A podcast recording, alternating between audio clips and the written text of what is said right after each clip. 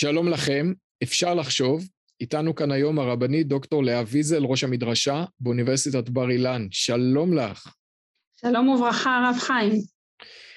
אה, תודה שהסכמת לשוחח איתי במסגרת הזאת, ולכבוד תחילת שנת הלימודים האקדמית, הייתי רוצה לדבר איתך על נושא שמעסיק את שנינו, אני חושב שמעסיק גם הרבה מהשומעים והצופים, וזה היחס בין אה, לימוד תורה במובנו המסורתי לבין אה, מחקר אקדמי. ואני אתחיל במקומות שבהם יש או ממשק או התנגשות ישירים מאוד, וזה בכל הנוגע באמת ללימודי יהדות. אה, וכאן הייתי אומר שצריך להבדיל בין, בין תחומים מאוד שונים. אני אגיע בהמשך לתלמוד או הלכה, שזה ממש משיק לתחום שלך, את דוקטור למשפטים, אבל אולי אני אתחיל בתחומים אחרים וזה מחשבת ישראל ותנ"ך. וכאן אני אומר, מעניין אותי אם את מסכימה, שיש הבדל גדול בין שני התחומים האלה מבחינת הממשק בין מה שקורה בבית המדרש הישן המסורתי לבין מה שקורה באקדמיה. כי תחושתי היא שבמחשבת ישראל אמ, הפער הוא איננו גדול, לפחות במקומות שאני למדתי ומלמד בהם, אז השאלות שעוסקים בהן בתחום מחשבת ישראל מאוד דומות לשאלות שעוסקים בהן באקדמיה. כשאני קורא את אה, ספריו ופירושיו של הרב שילת ממעלה אדומים על הרמב"ם, זה לא מאוד שונה מהפירושים של פרופסור אלי שווייד מהאוניברסיטה העברית. לרמב"ם. אה, כש, כשאני פותח מורה נבוכים אני בסופו של דבר שואל את אותן שאלות, ואני מוסיף לזה גם עוד נתון שאין איזה דיסציפלינה ישיבתית ותיקה ומסורתית של לימוד מחשבת ישראל. כן, יש הטוענים שבכלל את התחום הזה כתחום ישיבתי פחות או יותר המציא הרב שאול ישראלי כשהתחיל ללמד מחשבת ישראל במדרשיית נועם לפני 70 שנה.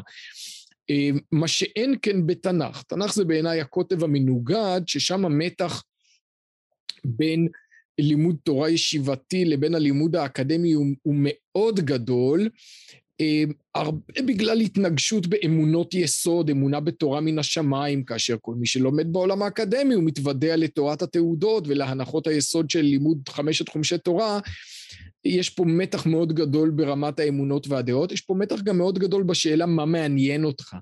כלומר, בעולם הישיבות עוסקים אה, הרבה יותר בתכנים, ודאי תכנים רוחניים וחינוכיים, הרבה הרבה פחות בשאלת הכתיבה, גם כשמדובר על ספר כמו תהילים, שאין פה איזו שאלה גדולה מבחינת עיקרי האמונה. אה, וכאן אני כן מזהה מתח יותר גדול. את, את מסכימה איתי בנקודות האלה? אפשר לחשוב, אמרת, אפשר לחשוב שיש הבדל. אני גם מוכנה להגיד שיש הבדל מסוים, אבל זה נראה לי קטגורי מדי. ואני אסביר אולי גם למה. כי בוא נתייחס לתנ"ך. אם אתה מתייחס לתנ"ך, כאילו אה, כל מה שעושים בתנ"ך זה באמת, אה, כמו שאמרת, אה, קשור למקור הטקסט ומי כתב את הטקסט ושאלות כאלה, אז אתה צודק. אבל יש לא מעט אה, עיסוק אקדמי בתנ"ך שקשור לעיסוק ספרותי בתנ"ך, כמו למשל אה, הרב פרופסור אה, יוני גרוסמן, כמו למשל דוקטור איילת סיידלר, שהיא, האמת היא זה אנשים שהם בשני העולמות, אבל גם בפועל, בפועל האקדמי שלהם אה, יש הרבה מאוד אה, מה לתרום ללימוד הישיבתי המסורתי, כפי שאתה קורא לו, וגם הפוך, גם ביחס למחשבת ישראל או פילוסופיה יהודית, ההנחה שזה בדיוק אותו דבר, לא בטוחה ש... סוציולוגית לא בטוחה שיסכימו איתך. אם תשאל אה, רב אה, מישיבת מרכז הרב ששנים אה, חוקר או מתעמק או לומד, הוא אפילו לא ישתמש במילה חוקר, את כתבי הרב, הרב קוק, לא בטוח שהוא ישלח תלמיד שלו או יתפעל מהעבודה שנעשית במחוזות האקדמיים, זה סוציולוגית. וגם אמיתית יכול להיות שזה דומה ושונה. הרב, גם יכול להיות שהדוגמאות שהבאת כמו הרב שילת, שהאופן שהרב שילת עובד באמת דומה לניתוח אקדמי. אני לא בטוחה שבכל המקומות שלומדים, נקרא לזה, קראת לזה מחשבת ישראל, אבל בישיבה יקראו לזה אמונה, או במדרשות יקראו לזה אמונה. או בשיעורים, זה יהיה שיעורים באמונה. אמ, לא בטוחה שזה יישמע דומה שיעור כזה ושיעור כזה. יכול בהחלט להיות שרב שהוא בישיבה עובד בכלים שדומים לכלים אקדמיים ויכול להיות שפרופסור באוניברסיטה גם עושה שימוש בכלים מהלימוד המסורתי. זה לא אותו דבר, יש פערים מאוד מאוד גדולים. אני מוכנה בגלל שביקשת שהמפגש שלנו יהיה פותח אה, חשיבה ואפשר לחשוב, אני מוכנה כן להסכים שיש הבדל בין מחשבת ישראל לתנ"ך, אה, אולי מבחינה כמותית שהופכת לאיכותית, אבל בשני המקרים אני רואה איך האקדמיה תורמת למה שיש לישיבה להציע, או ללימוד המסורתי להציע, ואיך זה גם אה, שאלות שקשורות למקור של החומרים, איך הן פותחות, אה, פותחות שאלות, שאלות עומק, ואיך אה, איך קצת משחררות אותנו מקריאה מאוד אוטומטית של הטקסטים. כמי שגדל או נניח מכיר את הטקסטים לפחות, נגיד את חמישה חומשי תורה, קורא לתוכם כבר את הפרשנות הבסיסית, רש"י, ומה שלומדים בשלבים הראשונים. פתאום שואלים אותך שאלות, שיש גם שאלות אה, מאוד נוקבות וחשובות, שאני אגיד את זה בהכללה, שאנשים דתיים לא כל כך שואלים את עצמם. לפעמים אה, עצם שאלת השאלות היא מאוד מאוד משמעותית. אתה אה, שואל אותי אם יש הבדל, יש הבדל, אבל גם בתוך לימודי התנ"ך וגם בתוך לימודי המחשבת יש סוגים שונים של עיסוק. וזה שבישיבה התוכן הוא חשוב, בוודאי שהתוכן הוא חשוב, כי בסוף הישיבה היא מקום חינוכי שמבקש לחנך ולהעביר תכנים חד משמעית עם מטרה חינוכית אה, גלויה ושאינה גלויה בכל עיסוק כמעט. אה, ואם אנחנו עושים את החלוקה הזאת, אז אני מסכימה שיכול להיות הבדל בין מחשבת לתנ"ך. כן, אבל היום, כלא, היום כלומד בוגר, כלומד בוגר זה משנה לך אם אתה הולך לשמוע סדרת הרצאות בתנ"ך או במחשבת בצורה קטגורית? אני לא בטוחה. לא אה, בטוחה. לא בצורה קטגורית, אבל אני רואה פה הבדל. בתנ"ך יש הרבה יותר עיסוק בעולם האקדמי, שוב, בשאלת המקור הטקסטואלי והיצירה, בעוד בתחום, בתחום מחשבת ישראל, מסיבות אולי טכניות, יש הרבה פחות עיסוק בזה. כמובן שאת צודקת, שגם בתנ"ך יש הרבה עיסוק בכתיבה ספרותית. מעניין אותי, האם אנחנו רואים גם את ההשפעה ההפוכה? את מתארת השפעה של האקדמיה על מה שנעשה ב- בלימוד תורה מסורתי, זה ודאי קיים. כן, יש לי חבר הרב אמנון בזק, רם בישיבת הר עציון, משתמש הרבה בכלים ספרותיים לחקר התנ"ך, מאוד אוהב את הדברים שניסח פרופסור יאיר זקוביץ' אה, ואחרים. בגישה ספרותית. מעניין אותי אם גם אה, יש חלחול הפוך, האם העובדה שיש לא מעט חוקרים בתחומים האלה שבאים מעולם הישיבות מביאה גם בעולם האקדמי אולי יותר להתמקדות בתוכן או בחשיבה ספרותית בשאלות שבהם אפשר כן למצוא מכנה משותף בין תחומי העניין של שני העולמות הללו. ברור לי שכן, ברור לי, כי בסוף uh, המחקר והחוקר הופכים להיות איזה סינתזה כזאת. ברור שכן, גם בעולם, כמו שאתה אומר, תוכן, אם אני בוחרת uh, לחקור uh, בצורה מסוימת או בצורה אחרת, זה יכול להשפיע הרקע הספציפי הישיבתי והעולם הזה. אני חושבת שגם אה, מבחינת הכלים, הכלים שאתה מגיע איתם מעולם ישיבה, שיש אה, בו המון כלים של אה, לימוד עצמי ולימוד של השוואה בין טקסטים ולימוד של לעשות כל מיני השוואות של תוכן והשוואות של צורה.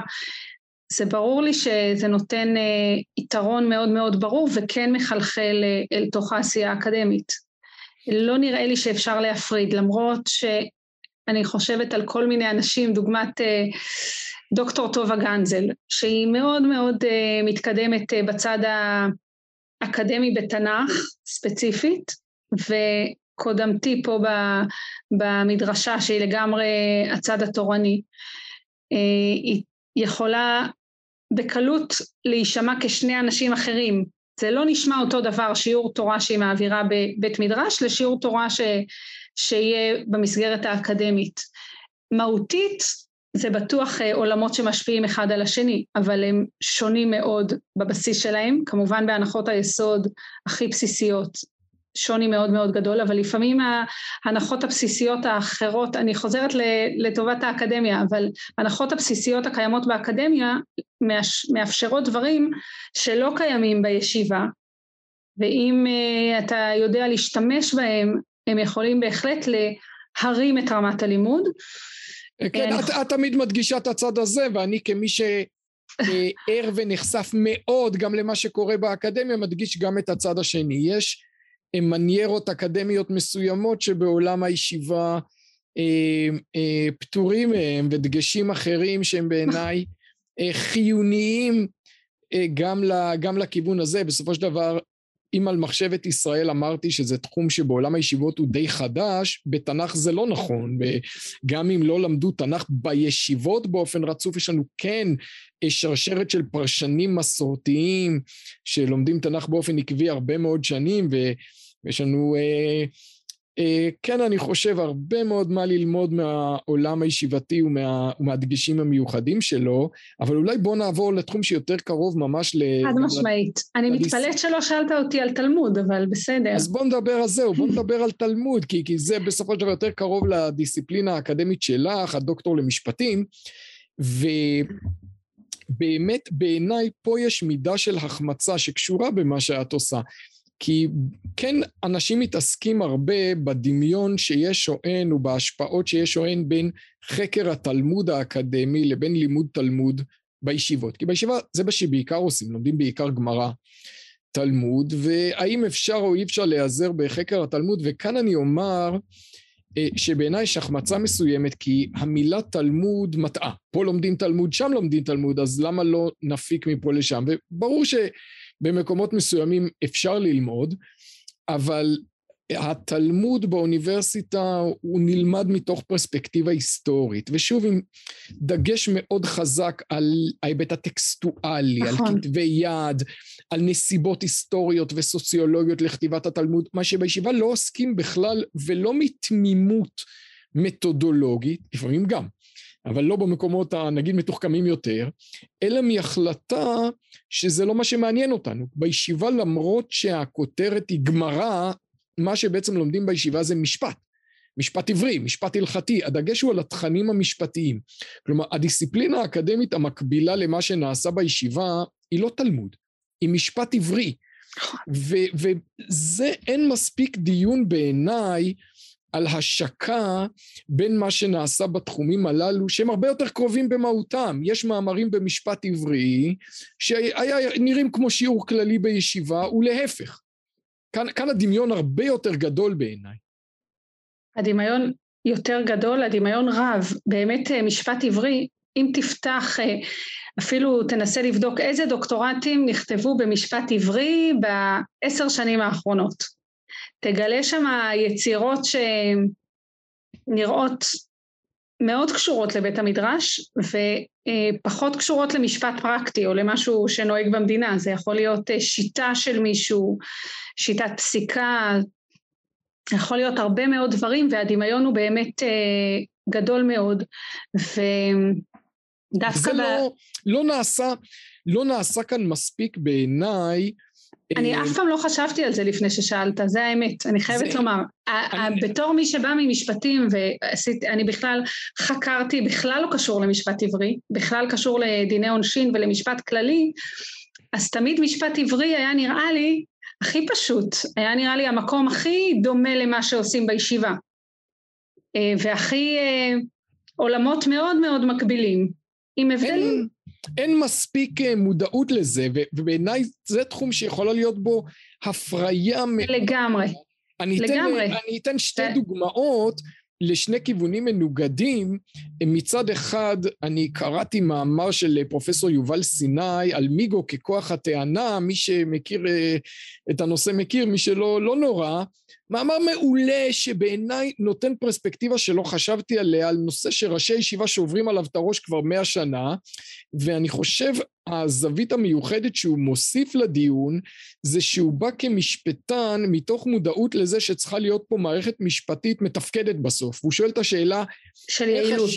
איך השיקול הזה ייראה במערכת משפטית מתפקדת, נכון, הוא מעלה את השיקול של יעילות המערכת, שזה זווית חדשה ומאירת עיניים, שראשי ישיבה שרגילים לזה שאף אחד לא דן בזה בפועל, לא, לא שואלים את זה כל כך, זה מצד אחד, אני חושב הרבה אפשר לקבל לעולם הישיבות מתוך זווית הראייה של משפטנים, עם, עם מינוח משפטי מודרני שלפעמים חופף מאוד למה שנעשה בלמדנות בריסקאית, לפעמים לא, לפעמים כן.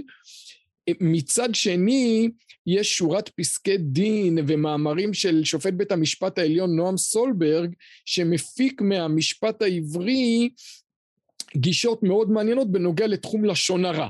שזה תחום שהמשפט העברי מאוד מאוד פיתח, אה, לדעתי באופן יותר פרודוקטיבי מהמשפט הישראלי, ויש לו תובנות מאוד מקוריות, ואפשר לקחת אותם גם לתחום המשפטי הכללי, יש פה השקה שהיא, שהיא אה, מאוד טבעית בעיניי.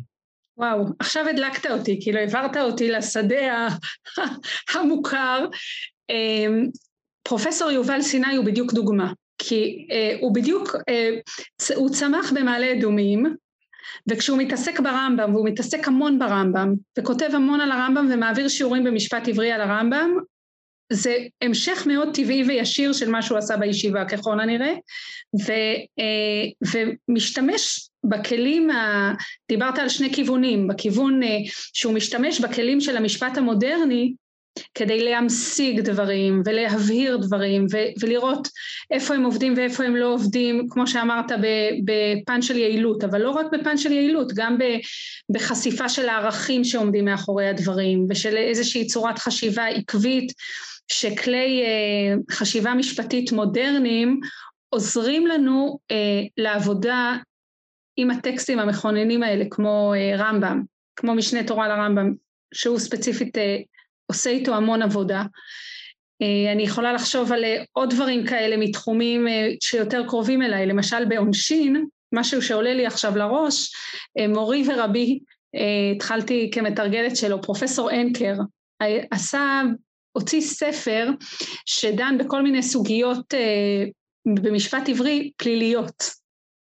למשל, נושא נורא מעניין שמדבר על מה קורה כשטרוריסטים אומרים לך, נניח, אה, והיו, לצערנו היו מקרים כאלה במציאות, אומרים לך, אה, או חבורה מתחבאת באיזה מסתור, אה, או שתוציאו אחד מכם ואנחנו נהרוג אותו, או שאנחנו מפוצצים את כולכם. כל השאלות, ה, השאלות האלה שקשורים, ל, קוראים לזה במשפט פלילי סייגים, הגנה עצמית וצורך וכל ה... פתאום אה, מסתבר שאנקר הסביר שם איזה הבדל ברמב"ם בין, אה, בין סיטואציה של אה, צורך אה, ניטרלי לבין צורך אה, שמקורו באיום של אה, טרוריסט. ו- ומוצא איזשהו הסבר, הוא, הוא מראה איך אה, כל מיני נושאי כלים ברמב"ם וכל מיני ניסיונות ישיבתיים לא הצליחו להבין איך יש הבדל בין uh, סיטואציה א' לסיטואציה ב', שבסיטואציה אחת uh, נכנעים לאיום ובסיטואציה אחרת uh, לא נכנעים לאיום, ומה ההבדל ביניהם, והוא בעצם מביא מחשבה מהמחשבה הפלילית הכללית, שאומרת יש הבדל, יש פה איזשהו אלמנט של האם להיכנע לטרור או כשמדובר בגורם אחר של צורך, יש גורמים ניטרליים של צורך שמתגלגלת עליך איזה אבן או שאיבדת את הבלמים באוטו אז לאיזה כיוון אה, להטות את ההגה, האם לפגוע במעטים או רבים. כל השאלה של אה, לפגוע במעטים כדי להציל רבים הוא ממש מצא פתרון ש... עזר לו להבין סתירה ברמב"ם באופן שלא הבינו לפניו, ופתאום זה נראה נורא נורא ברור שיש הבדל בין אה, שיקול מדיניות שלא להיכנע לטרור לבין אה, דברים שהם אה, כל מיני נסיבות בידי שמיים שלא קשורות לטרור. ואז יש כן... ש... תראה, האמת שהבחנות דומות לדעתי כן מופיעות באחרונים בשיעורים, בסוגיות הללו. אני פשוט, אני פשוט לא זוכרת אה, במדויק, כי זה משהו שקראתי, יש לו ספר אה, עיקרים באחריות פלילית שכולו אה, רק משפט עברי. לא, זה ודאי, אני... זה ודאי סוגיות מרתקות, מופיעות בספר סנהדרין, ברמב"ם, נכון, נכון, נכון, נכון, ו... אבל... לפעמים... אני אומר שבהקשר הזה אה, ודאי שיש פה קרבה גדולה אה, בין חשיבה משפטית מודרנית לבין החשיבה המשפטית שמאוד מפותחת כאן. אבל בעצם מה אתה אמרת? אתה אמרת שני דברים. אמרת דבר ראשון, בדוגמה של יובל סיני, אמרת בואו, הלימוד של המיגו פתאום הואר באור שונה, שעושה שכל ועושה איזה סדר, ואולי אפילו מבהיר את צורת החשיבה של חז"ל, שגם אם הם לא ידעו אה, לנקוט במושגים שאנחנו יודעים אה, להמשיג היום, אבל יכול להיות שזה מה שהנחה אותם, יכול להיות שזה ההיגיון הפנימי אה, שהנחה אותם אה, קרי שיקול של יעילות, איך בפועל אני מתפקד במערכת משפט שצריכה גם לתפקד ולא רק אה, להיות אה, אחלה דיונים תיאורטיים אה, לחברותה, זה כיוון אחד, ואמרת כיוון שני של השופט נועם סולברג שפתאום מציף מקומות שבהם יש למשפט הכללי מה ללמוד מהמקורות שלנו בצורה דרמטית מהערכים שעומדים מאחוריו, מהאיזונים שהוא מוצא בין ערכים שיכולים ללכת לכיוון שאפילו לא חשבו עליו, או לא חשבו על ההשלכות שלו. וגם זה... של, אה, לפעמים של המשגה משפטית. בסופו של דבר יש לנו מסורת משפטית מאוד מפוארת. מאוד עשירה ועתיקה, אפשר ללמוד ממנה גם, ב, גם במישור הזה, ודאי גם במישור הערכי, כן, אה, אם הזכרת סוגיות של שמירת הנפש, את בעיית הקרונית המפורסמת, בעיה מאוד מפורסמת. באתיקה, אה, החזון איש, חזון איש, חזון איש. לפני שפיליפ אפוט אה, נכון. אה, העלתה אותה באמצע המאה העשרים. נכון.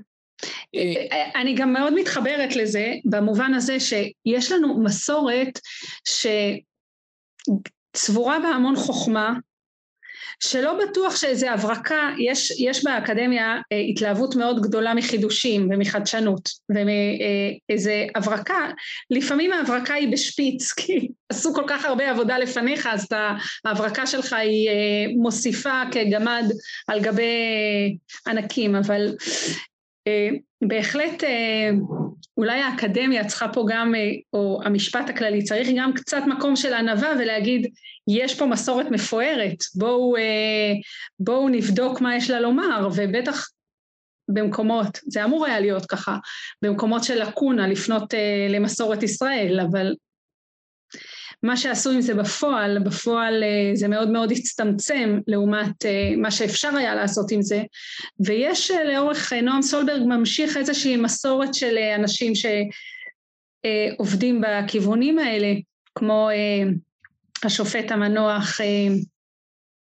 אלון, כמו כן. פרופס, פרופסורים שעשו את העבודה, שעושים, פרופסור רקובר, כן. שהיה בתפקיד ממש אה, במין אה, יועץ משפטי לענייני משפט עברי והיום אה, ויגודה לתפקיד שלו כבר יש שם אחר פחות דרמטי אבל אותו תוכן כשאנחנו מדברים על חיבור בין עולמות ודאי שמשפט עברי מאוד דומה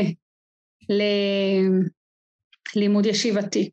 עכשיו אם אנחנו נעבור לתחום קצת שונה אז האמת היא שלפחות מבחינת החוויה של אה, הסטודנט או הסטודנטית הצעירה שבאו מישיבה או ממדרשה ובאים לאקדמיה, הרבה פעמים המתח הגדול הוא לא במדעי היהדות. את עומדת בראש הרי מוסד, לומדות אצלך אה, בנות סטודנטיות באוניברסיטת בר אילן, שגם רוצות במקביל ללמוד אה, תורה, זה נהדר בעיניי, אני גם מלמד אצלך, ובאמת זה מקום נחמד של מפגש חשוב. הרבה פעמים ההתנגשות היא ב... בתחומים אחרים. נגיד בשביל מי שלומד משפטים, הרבה פעמים אה, ההתנגשות תהיה לאו דווקא בסוגיות של משפט עברי, אלא למשל בדגש אה, האקסטרימי שיש היום על זכויות אדם בפרשנות הפרוגרסיבית שלהם בעולם המשפט. מה שמי שבא מעולם החשיבה היהודי זה לא תמיד כך. כן, את מסכימה איתי בנוגע לנקודה הזאת? חד משמעית. אני חושבת שזה האם עברנו ממה מה ההבדלים בין איך אני לומד תנ"ך בישיבה לאיך אני לומד תנ"ך באקדמיה, זה משהו שהוא נורא בולט, בסדר? ההבדלים הם בולטים ו, ואנחנו יכולים אה, גם כלומדים בוגרים אה, וגם כצעירים לראות שיש הבדלים. כשאתה נכנס ללמוד מקצוע שהוא לכאורה ניטרלי, שהוא לא מחובר לעולם הישיבה, הוא לא מתנגש לכאורה בעולם הישיבה או בעולם ממנו באת, בשום צורה הוא לא מתנגש, להפך אתה מגיע לאיזה עולם שיש בו איזה לכאורה איזה חופש דעות מאוד מאוד רחב ו, ופתאום אתה נחשף לכלי חשיבה ומתודות וכלים ביקורתיים שבעצם מי שאוהב דת וצמא דת יכול ממש לפרוח ולהתלהב מזה ובצדק, אתה אפילו לא מודע לפערים שקצת התחלת לתאר אותם. אנחנו, אם אנחנו נשארים במשפטים, אנחנו יכולים באמת לדבר על רעיונות וערכים, כמו מה, מה המשמעות באמת של זכויות יסוד ומה שאנחנו קוראים דמוקרטיה מה זה אומר דמוקרטיה? האם זה רק שלטון הרוב ושמירה על, או שזה גם איזה שהם ערכים פוזיטיביים שצריך לקדם אותם, כמו למשל שוויון. מה זה אומר? שצריך, שברור לכולם ש, ששוויון זה ערך, ערך חשוב.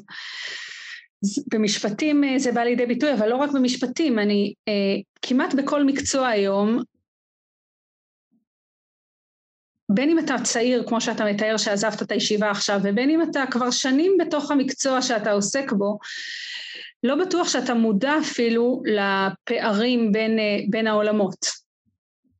כי אתה מגיע למקום שבו יש בו הרבה חוכמה ויש בו הרבה ביטחון והרבה מרצים טובים, לפעמים תפגוש מרצים שהם מעבירים את השיעור יותר משכנע או יותר מושך אולי אפילו מהשיעור ששמעת בישיבה. לא רוצה להגיד יותר רציני, כי אני לא אגיד את זה, כי זה לא, זה לא נכון, אבל אמ, ואין לך, לא פיתחת עדיין אה, כלי ביקורת, או אתה לא מספיק אה, מודע לזה שיש פה בכלל, אה, שיש פה בכלל הבדל. כן, אני ו... מורי ורבי, הרב ליכטנשטיין, זכר צדיק לברכה, שהיה חסיד גדול של לימוד אקדמי, והוא כתב על זה מאמר פרוגרמטי, טובה חוכמה עם נחלה, הוא אומר שם, כן, אבל תדעו, אבל תדעו ש, שיש כאן, אה, כאן אה, בעיות, הוא אמר למשל, פילוסופיה לפעמים מתנגשת עם אמונתנו חזיתית, אבל פסיכולוגיה לפעמים... רעיונית. חותרת תחתיה חרישית. מה שהוא התכוון לומר למשל, בהרבה מאוד גישות פסיכולוגיות אתה מוצא מחיקת האמונה בבחירה חופשית של האדם. בהרבה מאוד גישות פסיכולוגיות אתה מוצא שה-well-being, כלומר שלוות נפשו של האדם, זה הופכת, הערך העליון. הופכת לערך עליון ועילאי, ומה ששוב סותר את... אה, תפיסה יהודית, אתה לא תמיד שם לב לזה שזה סותר תפיסה יהודית וצריך פה איזה רגישות ומודעות אה, רוחנית ותורנית עמוקות מאוד כדי להבין שבכלל יש פה משהו. כמובן אפשר ללמוד המון אה, מלימודי פסיכולוגיה כמו מרוב התחומים האחרים, ובלבד שאתה גם יודע לפענח מה עומד מאחוריהם ולא תמיד לאמץ או לקבל את כל הנחות היסוד. בעיניי זה מדויק מה, שהרב, מה שציטטת מהרב ליכטנשטיין, כי בעיניי זה הרבה יותר מאתגר. מהעניין הראשון שדיברנו עליו, שהוא עניין, בסוף גם אה, לימוד התנ"ך או לימוד מחשבת ישראל הוא נשאר ברמה מאוד תיאורטית. ופה כשאתה לומד פסיכולוגיה, או עבודה סוציאלית, או מקצועות טיפוליים או משפטים, זה בסוף עובר גם לפסים מעשיים, ואפילו ל...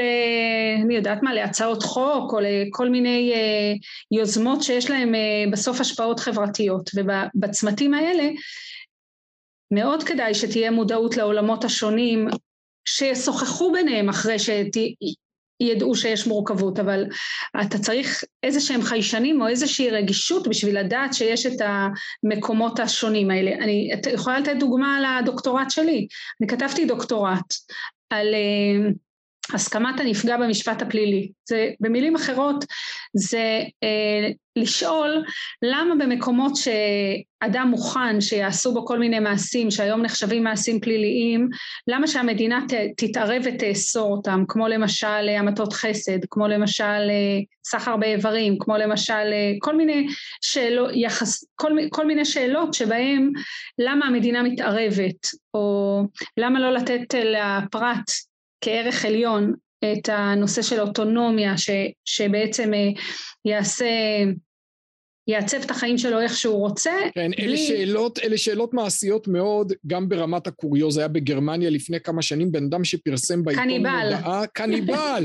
נכון, זה הודעה... כבר הרבה שנים, אני חושבת שהכנסתי את זה אפילו באיזה הערת שוליים. כן. קניבל פרסם... שפרסם הודעה, מי רוצה שאני אוכל אותו, וכל מיני... אה, ענו לו על המודעה. כלומר הוא קיבל, האדם הזה, עשרות אה, פניות שאנשים שהציעו לו להרוג אותם ולאכול אותם. אבל שאלה הרבה יותר מעשית ונפוצה זה למשל פונדקאות ב, אה, בתשלום, פונדקאות מסחרית. סחר באיברים, אה, תרומת כליה בתשלום. ואיפה את רואה פה, איפה את רואה פה הבדל בין גישה תורנית יהודית לבין גישה אקדמית? בכלל המקום של קדושת החיים או המקום של השאלה של בעלות האדם על גופו, האם לאדם מותר לעשות כל דבר בגופו, אין לזה שום גבול, או שיש לזה גבולות. גם השאלה של בעלות האדם על גופו זו שאלה שנידונה בתכתובת מעניינת בין הרב ישראלי, הזכרנו אותו בתחילת הדברים, לבין הרב זבין. כן, הרב האם... זבין כתב על זה מאמר מרתק בשם על שיילוק. שיילוק בהלכה, לאור... משפט אה, שיילוק על פי ההלכה. זה... זה באמת לא, לא יספיק לנו פודקאסט של uh, הזמן שנתת, אבל זה שאלות עומק, בסוף זה שאלות עומק, ויש להם השלכות גם כשמגיעה שאלה כמו הייתה שאלה בשנים האחרונות על הזנה בכפייה של uh, שובתי רעב. כל מיני, כל, או אה, המתת חסד במובן של אה, יש עבירה פלילית של אה, סיוע להתאבדות, אסור לך לעזור למישהו להתאבד. גם אם אתה רופא ויכול לתת לו, כן, לרשום בוודאי. לו, לרשום לו אה, מרשמים אה, בסוג הזה. אז זה דוגמאות לדברים שקורים ב, במשפטים, אפילו באזור, לא באזורים שדיברת עליהם, אפילו לא באזורים אה, סופר פרוגרסיביים, אלא באזורים שיש ביניהם הבדלים בגישות. זה נהיה עוד יותר מאתגר אם אתה הולך באמת לתפיסות, אה, כמו שאמרת, פרוגרסיביות, שהן הרבה פעמים מאוד מאוד מאוד שונות מעולם המושגים או מהמסורת שבאת איתה, אם אתה בא מרקע ישיבתי או מרקע של עולם או סט ערכים אה, שהוא מאוד מאוד שונה. הסיכוי שתהיה ער לכל הדברים האלה הוא לא גבוה. אני רוצה לחזור שנייה למה שאמרת על פסיכולוגיה ובחירה חופשית. אמרה לי פה סטודנטית פעם, כש... בתחילת שיעור ש... שאמרתי משהו, לא איזה משהו מלומד על בחירה חופשית, זה היה רק תחילת דיון, אז היא אמרה לי, על מה את מדברת? אנחנו במדעי המוח, והמרצה חובש כיפה, ואמר לנו חד משמעית, הראה לנו איך בעצם הכל, כל מה שקורה לנו זה תוצאה של אה, הפרשה של חומרים במוח. טוב, זה אנחנו יודעים... uh... גם משורה של ניסיונות פסיכולוגיים, שזה ודאי לא, לא פשוט ולא, ולא נכון אפילו. אז בוא נגיע לעוד נקודה, שאני לא יודעת אם רצית ללכת אליה, אבל אתה אומר שאנחנו יודעים שזה לא פשוט. זה יפה שאנחנו ממרום גילנו יודעים שזה יותר מורכב מהתיאור הזה, אבל כשמגיע אה, מרצה בעל כריזמה, או גם בעל אה, ניסיון וביטחון, ומדבר את הדברים בביטחון מאוד מאוד גדול, התביעה שלי או השאיפה שלי, ש... אנשים ששומעים, וזה לא משנה אם זה סטודנט בן עשרים או אדם שצורך את המידע בגיל מבוגר יותר, שאנשים יבנו לעצמם כלי ביקורת, לפחות לדעת שזה לא תורה למשה מסיני. מי שלא, גם... קרא, מי שלא קרא את הביקורות על הניסויים של בנג'מין ליבט על בחירה חופשית ונוירולוגיה, יהיה לו קשה להתמודד, את אומרת. אבל באמת, אני אשאל אותך אולי לסיום, איזה עצה אז תתני לאיש צעיר ולאישה צעירה שבאים עם, עם אה, מטען תורני לעולם האקדמי, ולא מתוך פחד, אלא מתוך רצון באמת לשלב באופן המיטבי את הטוב שבעולמות הללו. איזה עצה תתני להם? אני מוחקת, מה, אני מוחקת את המילה פחד. אה, אני מאוד מזמינה את כולם להיחשף לעולם הזה. אני רוצה לצטט את הפסוק שהרב קוק אה, אמר על פתיחת המכללה בהר הצופים, שזה התחיל בתור מכללה. כן עם המילה פחד, הוא אמר, ונערת ופחד ורחב לבבך. ונערת ופחד ורחב לבבך. כלומר, התנועה שאתה מגיע לדברים האלה חייבת להיות אה, עם סתירה פנימית כזאת, של אה, רחב לבבך, כמו גיל ובירדה כזה קצת. אה, רחב לבבך ופחד. כלומר, שתי התנועות האלה הן התנועות שבעיניי צריך להגיע איתן. מה לעשות כדי uh, לשמר או להיות אנשים שנטועים בעולם של תורה ומתפתחים מקצועית בעולם של אקדמיה, זה חייב להיות באיזשהו אופן בזה שאתה מכניס את הבית מדרש גם לחיים הבוגרים שלך. ברגע ש, שאתה עוזב את זה לגמרי וסימן טבעי, הייתי שנתיים במדרשה, בוא נגיד המדרשה הכי טובה שיש, או הייתי אה, ארבע שנים, אה, חמש שנים ברוטו בישיבת הסדר, הספיק לי לכל החיים, אני לא רואה לזה הרבה סיכוי. אני חושבת שהדרך היא רק אם אתה משאיר יד ורגל ברמה גבוהה, לא, ב, לא ברמה גבוהה של היקף, אבל ברמה גבוהה של רצינות, גם בעולם אה, תורה בחיים הבוגרים שלך. לא יכול להיות שנסתפק ב, ב, במה ששמענו בעבר ונתרפק על איזה חוויות, חוויות עבר, גם לא יכול להיות שמה שנשמע, אה, אם דיברנו בהתחלה על מחשבת ישראל, אז מה שנשמע זה יהיה כל מיני וורטים שטחיים נחמדים אה, לפרשת שבוע, כשאנחנו שומעים בדרך מישהו שמתראיין ברדיו או איזשהו משהו, אלא משהו קבוע שעומד בהלימה לרצינות של החיים שלנו באופן כללי, משהו קבוע שנכנס לי למסגרת אה, השבוע שלי, ואם אני לא אעשה את זה בשלבים הראשונים כשאני מגיע בתור סטודנט, יהיה לי מאוד מאוד קשה להכניס את זה בחיים ההולכים ומתרבים במטלות, ואני רוצה לקוות שנגדל פה לא דור שיגדל פה דור, לא שאנחנו, לא עלינו המלאכה לגמור, שיגדל פה דור של משפטנים ומטפלים ורופאים וחוקרי תנ"ך, שעולם הישיבה זה לא איזה פרק בעברם שלא מתכתב בשום צורה, לא ברמה של אה, מציף שאלות כשיש שאלות או התמודדויות, לא ברמה של אה, הפריה, כלומר דיברנו קצת על כלים טובים שאפשר לקחת מפה לשם ומשם לפה, ולא ברמה קיומית של להיות אדם שלם, אתה יכול בהחלט להיות אדם שומר תורה ומצוות, שומר שבת כשרות ואני יודעת מה, טהרת המשפחה, ובחיים המקצועיים המאוד מושקעים שלך והמוערכים שלך, אין שום קשר לבית מדרש, זה בעיניי פספוס חיים, ועל זה אנחנו עמלים קשה ש... שכן, שכל השאלות שהעלינו פה, בין השאלות הראשונות שהיו, כמו שאמרת, מאוד בולטות אה, מול מדעי יהדות, ובין בשאלות אה, של מטפל או של משפטן, אה, לא ממקום של פחד ולא ממקום רק של אתגר, אלא ממקום של מפגש, ממקום של רצינות, ממקום של התייחסות רצינית לשני העולמות, שלכל אחד מהם יש להם הרבה מה להציע לעולם השני. כלומר ההמלצה שלך, ואני חותם עליה, להמשיך ללמוד הרבה תורה. אני חושב שזה רעיון מצוין. אחלה, אם בזה סגרנו, בהחלט. עשינו את שלנו. הרבנית דוקטור לאה ויזל, תודה רבה לך, אפשר לחשוב, תודה רבה לכולכם. תודה, להתראות.